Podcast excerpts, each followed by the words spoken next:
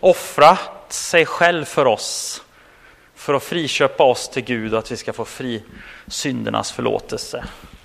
Men Jesus är också vår Herre. Om vi läser från Apostlagärningarna 2 så är det Petrus predikan på påskdagen. Ehm, eller på pingstdagen snarare. Ehm, när en helig ande utgjuts, utgjuts över församlingen. Och folk börjar undra, vad är det som händer? Det låter ju som de eh, är druckna hela packet här liksom.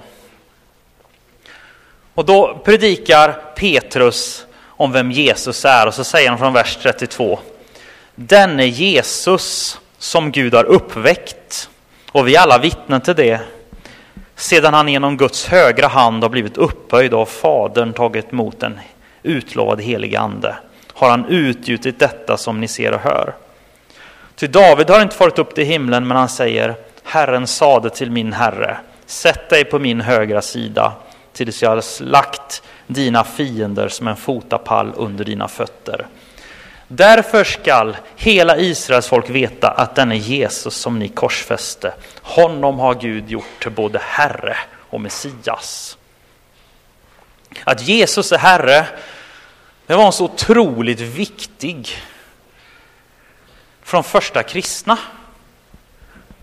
Jag menar, den här frälsningsversen som vi brukar citera från Romarbrevet 10. Ty om, med din mun, om du med din mun bekänner att Jesus är Herre. Hörde du det? Bekänner att Jesus är Herre och tror att Gud uppväckt honom från de döda. Då skall du bli frälst. Alltså, det här var själva grunden för det som församlingen trodde på, att Jesus är Herre. Han var Messias och han var Herre. Messias var den smorde utlovade konungen som Gud har lovat. Och hela frälsningen grundar sig på att Jesus är Herre. Om inte Jesus vore Herre så hade vi ingen frälsning. Det är faktiskt så här att, att Paulus, han kallar Jesus för Herre 260 gånger i Bibeln. Jag menar, om man läser Bibeln så, vi har ju treenigheten, vi har Fader, Son och Helig Ande. Och alla tre kallas ju för Herre i Bibeln. Men om man läser Nya Testamentet så är det framförallt Jesus som kallas för Herre. Han är Herre.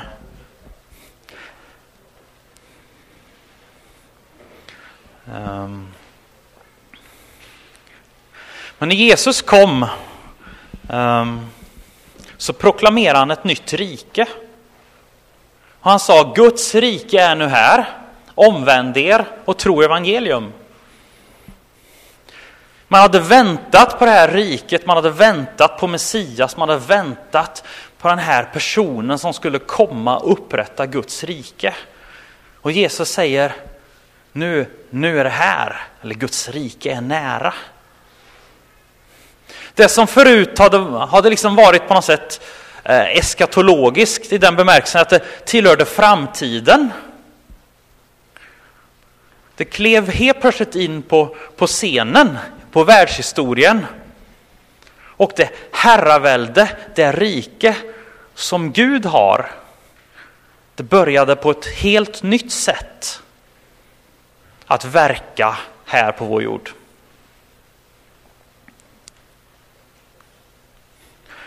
Och en dag, står Uppenbarelseboken, så kommer, kommer Jesus tillbaka. Och då på honom, på hans eh, höft och på hans mantel kommer stå herrarnas herre och konungars konung. Då finns det inga andra som så att säga kan sticka upp längre. Jag tänkte vi skulle börja med ehm, första Mosebok.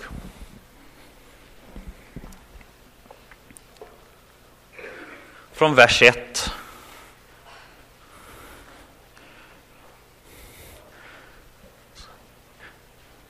Står det så här. I begynnelsen skapade Gud himmel och jord.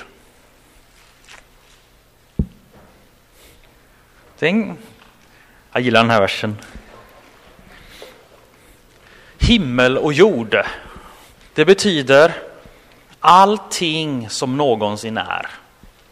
Allting som någonsin har funnits förutom Gud. Det skapade Gud i begynnelsen. Det där betyder hela kosmos, allting. Både det som är här på jorden och det som är himmelskt skapade Gud i begynnelsen. Kolosserbrevet skulle jag vilja att hänga med mig till.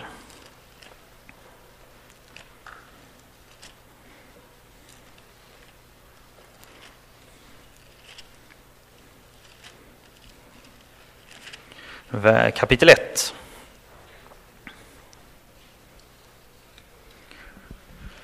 Då står det om Jesus här, eller om sonen. Från vers 15. Han är den osynlige Gudens avbild. Hur kan en osynlig Gud ha en avbild? Har ni funderat på det? Det är en väldigt spännande vers. Men alltså, sonen, alltså den andra personen i gudomen, han blev människa och blev en avbild av Gud för oss. Han tog mänskligt kött. Han är förstfödd för allt skapat. Det innebär att, att sonen, han är evig. Han har ingen början, han har inget slut. Han är före skapelsen. Han är förstfödde. Vilket ut... Alltså, nu pratar vi sån här um, treenighetslära och sådana saker. Jag ska försöka förklara några saker här ifall, ifall att du undrar. Det betyder att förstfödd i den här bemärkelsen betyder inte att, att Fadern har fött Jesus så som vi tänker. Utan det pratar mer om, om den rättsliga aspekten, tror jag. Alltså det pratar om relationella aspekten. Jesus utgår ifrån Fadern. Och han har samma väsen som Fadern.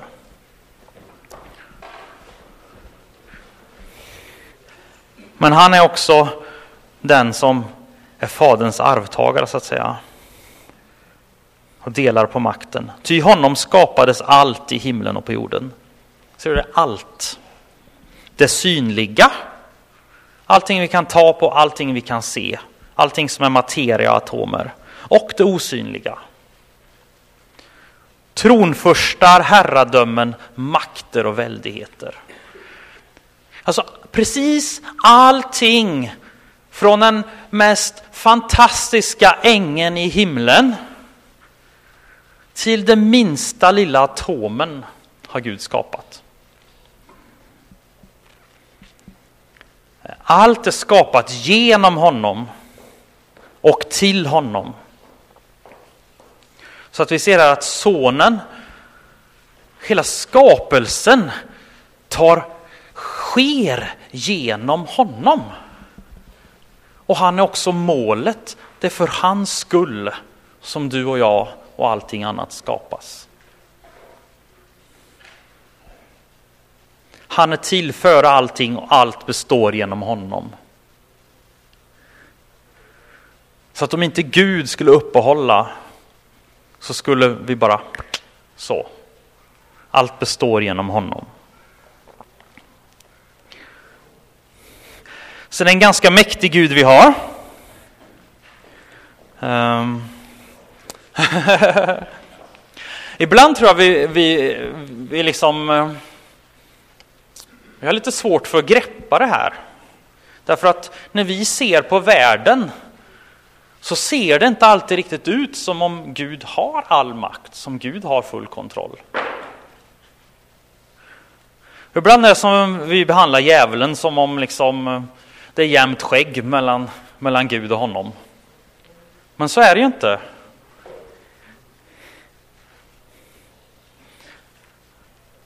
I psalm 93 i vers 1 och 2 så står det så här.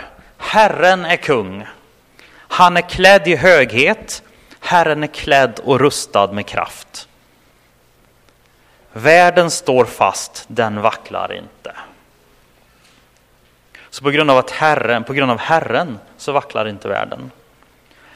Men så står det, din tron står fast sedan urminnes tid, du är av evighet. Hebreerbrevet 1.8 säger, men om sonen, säger han alltså, fadern säger, Gud, din tron står i evigheters evighet och rättens spira är ditt rikes spira. Alltså, Guds makt, Guds tron har aldrig varit hotad. Gud har ingen eh, utmanare. Det finns ingen som överhuvudtaget kan göra någonting för att underminera vem Gud är. Guds tron står fast, den är fast grundad från evighet till evighet. Så spelar det ingen roll vad du och jag gör, spelar ingen roll vad demoner eller onda andar gör. Spelar absolut ingen roll. För Gud han tronar, han har alltid tronat, kommer alltid att trona. Så det är inte som en oviss EM-match i fotboll. Att man vet inte vilket lag som kommer vinna. Nej, segern är faktiskt redan given. Och det beror på den som Gud är. Han är den han är. Han är konung, han är den som har skapat allting. Han är Herre. Det är ingen annan som är det. Det är han som är det. Och det är liksom ungefärligt som att be ett marsvin och spelar liksom fotboll med Zlatan. Va? Zlatan är fotbollsspelare. Marsvinet käkar gräs och liksom springer i hjul. Det är en dålig bild.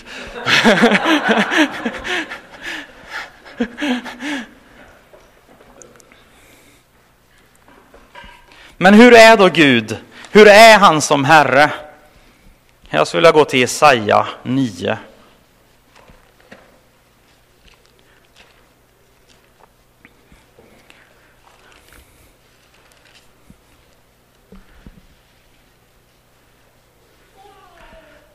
Från vers 2 till 7. Så han, så en profetia om Jesus. Och den avslutar med att så skall herradömet bli stort och friden utan slut för Davids tron och hans kungarike. Så den avslutar med Guds herravälde.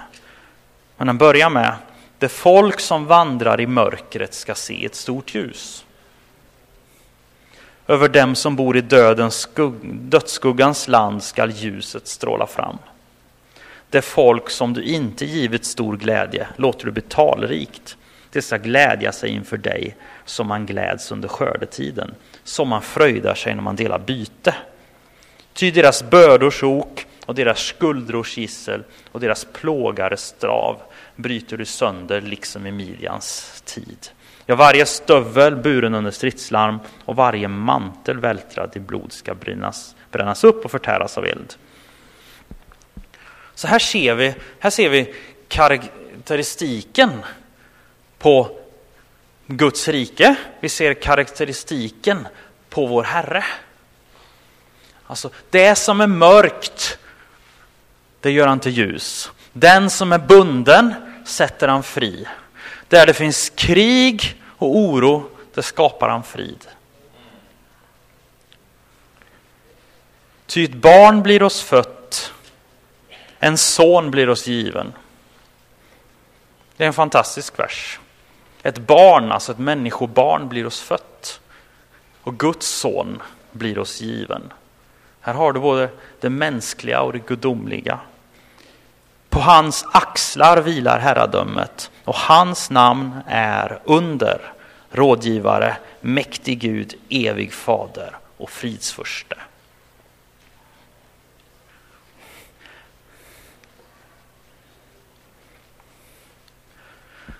Ehm, så att det är ganska, ganska schysst Gud vi har, om man säger så.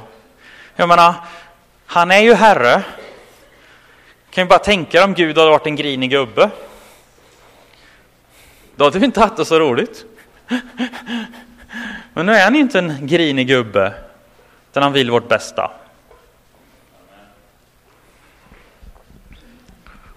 Och ändå så ser det ut som det gör i vår värld. Jag ska inte svara på det här fullt ut, för det, ja, det får någon annan göra.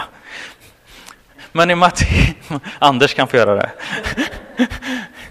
Matteus 13 så har vi liknelsen om såningsmannen som sådde säd och sen ovännen som sådde ogräs i åkern. Och den går ju så här att en såningsman och det är människosonen, det är Jesus, han går, går ut och han säger han, han, han eh, sår vete i sin åker.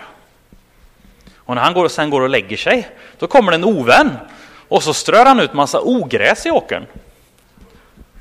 Och då kommer tjänarna sen och så säger de då till, till mästaren, mästaren var det inte god säd som du hade i din åker? Ibland så frågar vi Gud, Gud, hmm, varför är det ogräs i din åker? Åkern då är ju världen. Eh, och så frågar de, ska vi rycka bort ogräset? Men då så svarar, svarar Herren så här, nej, låt det växa tills skördetiden, till tidens slut. För att om vi börjar rycka upp ogräset nu så finns det en risk för att något av det goda, säden, vetet också rycks upp. Och det här är liksom på något sätt den värld vi lever i. Vi har en god Gud som har sått gott utsäde i sin åker. Och det är rikets barn som du och jag. Och vi har en ovän som har sått ogräs i åkern. Och så här får vi leva. Vi lever sida vid sida två olika riken. Och, och det går liksom inte... Alltså, det är av omsorg, det är ju det som Gud uttrycker, det är om omsorg för att ingen då av den goda säden ska ryckas upp som Gud faktiskt låter då den här ogräset vara kvar i åkern. Tänk om Gud hade bara liksom så med all ondska, alla onda människor, bara tagit bort dem. Men det vet ju både, det vet vi alla va, att, att jag menar, man kan omvända sig senare. Eller man kan få barn som sen är av annan kvalitet och så vidare. Men Gud ville verkligen ge alla människor chans.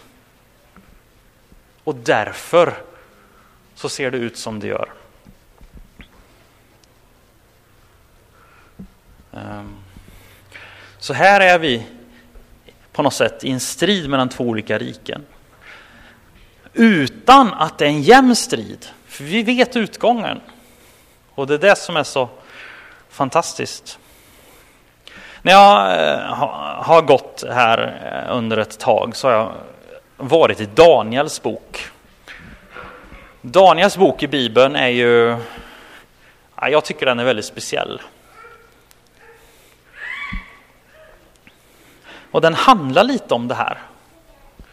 Jag vet inte om du har tänkt på skillnaden mellan Guds rike så som det är nu och judarike i Gamla Testamentet. Det var ett etiskt rike med, med en liksom etnisk folkgrupp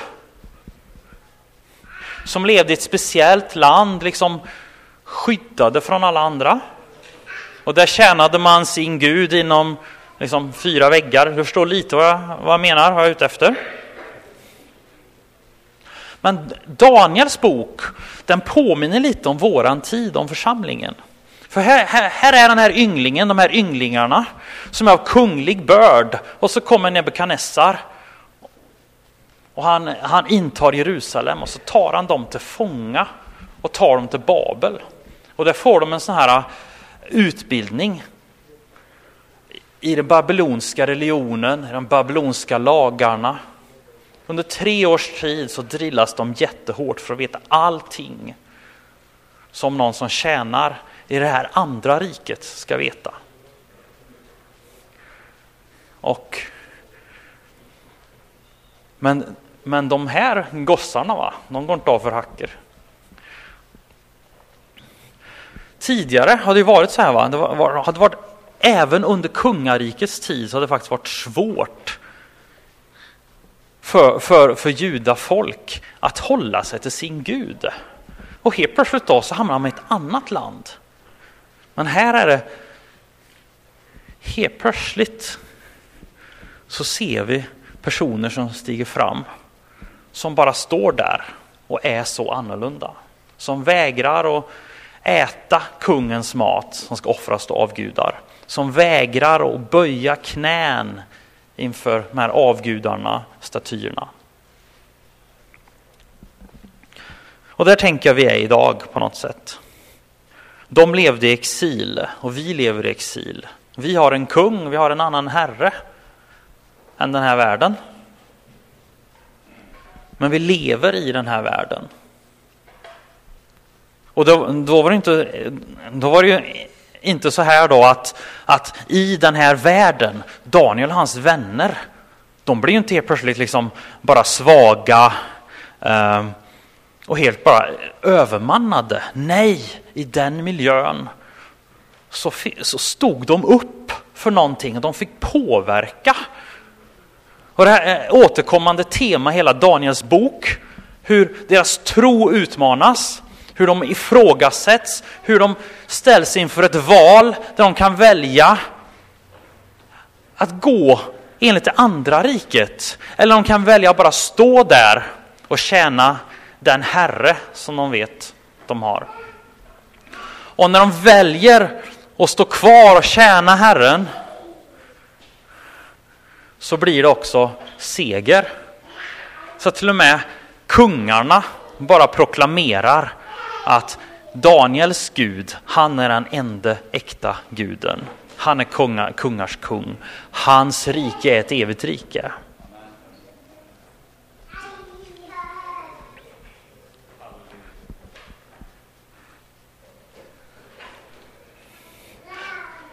Um. Det är så här att, att um,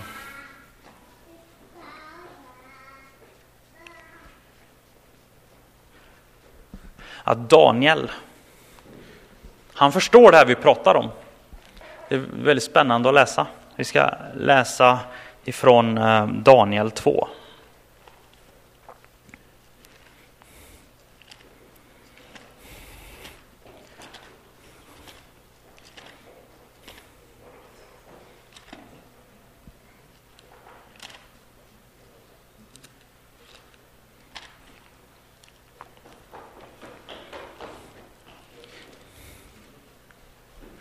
Eh, från vers 20.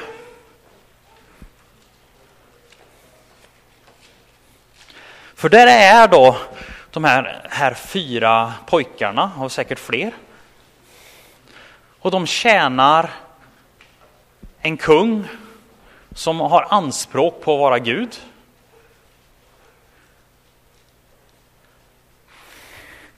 Och det känns som liksom hela deras rike där de hade liksom fostrats upp för att tjäna i, i, i Guds folks rike. Att det inte blev någonting av det, det bara fall platt till marken. Och här står den här hedningen och bara liksom kräver deras tjänst. Och då kommer en syn eller en dröm som säger att Eh, som pratar om olika riken. Och, så säger, och då så säger Daniel så här. Lovad var Guds namn från evighet till evighet, till vishet och makt tillhör honom. Han låter tider och stunder skifta. Han avsätter konungar och tillsätter konungar. Han ger det visa deras vishet och det förståndiga deras förstånd. Så det kommer kommer alltså, Gud kommer och så säger han, det här är bara tillfälligt. Och Daniel sätter ord på det här. Gud han avsätter konungar och tillsätter konungar. Så att all mänsklig makt är tillfällig. Men Guds rike är evigt. Jag tänker när vi ser på vår värld idag så ser vi att Babylon har fallit, Persien har fallit, grekerna har fallit och så vidare.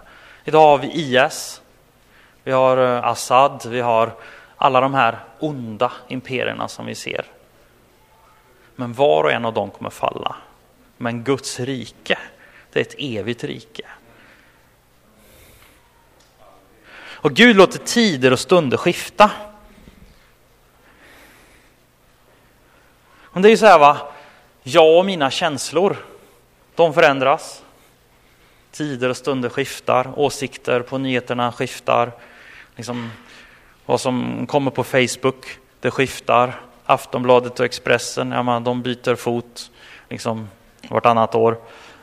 Eh, men Guds ord består.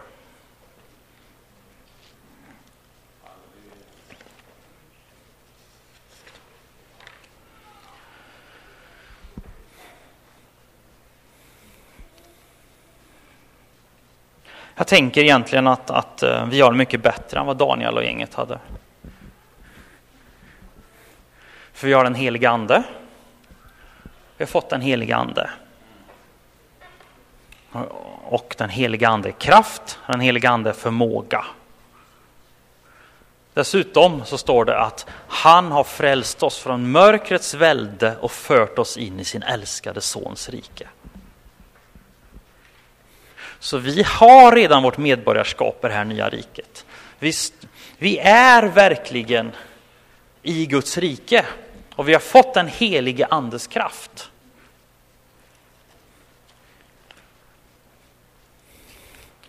Och då säger Jesaja så här. Jesaja 61. Stå upp, var ljus, ty ditt ljus kommer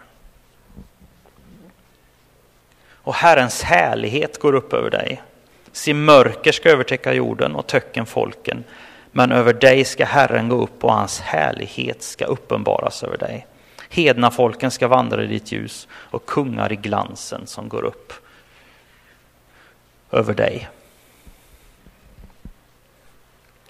Men i det här med två riken, så Gud har satt oss i den här världen för att vi ska vara ljus. Jag tror verkligen att, att när vi förstår vem Gud är, att vi förstår hans herravälde, men då tror jag vi känner så här, ja men stå upp. Ja men klart jag måste stå upp. Stå upp och var ljus, för mitt ljus kommer. Och står att hedna folken ska vandra i ditt ljus.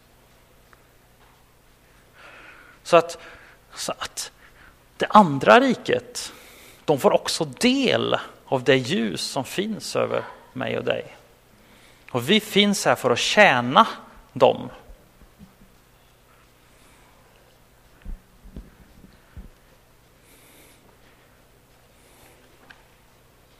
Så att eh, jag ska inte vara långrandig.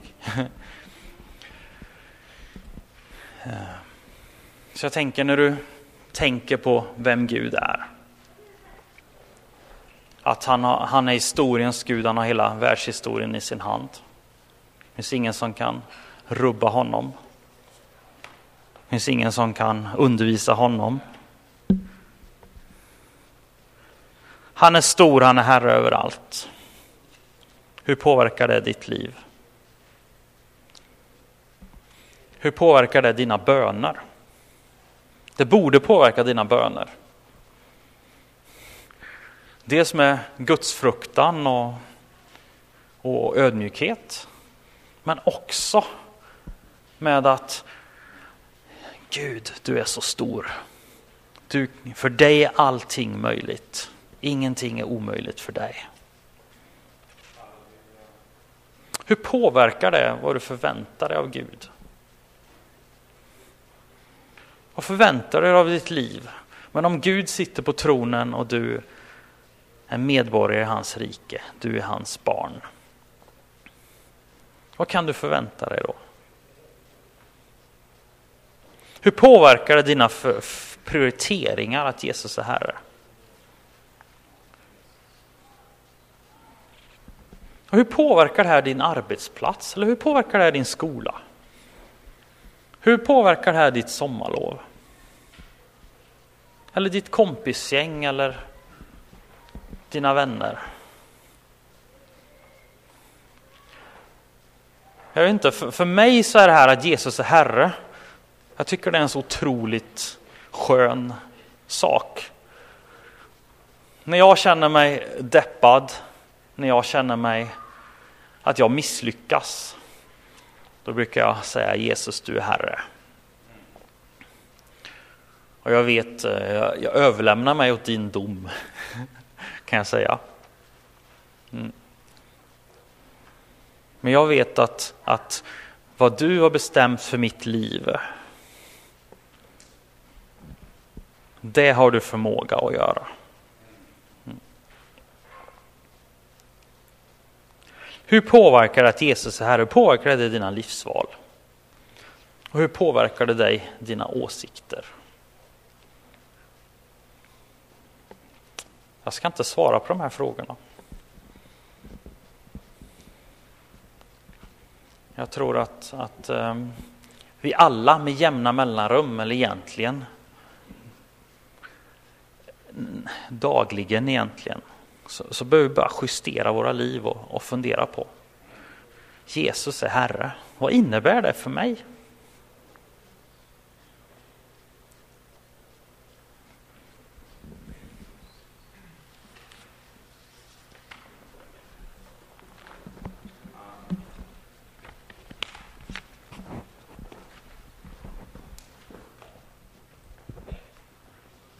Behöver landa i det här ganska ofta. Eh, vi får fokuset lätt på vår egna lilla värld ibland. Eh, och det är, inte, det är inte helt fel, men det är jättebra att vi får upp blicken för vem är Gud egentligen? Jo, men han är skapare av allting. Han är vår Herre. Han är vår frälsare. Han är den som ska vara högst i vårt liv också.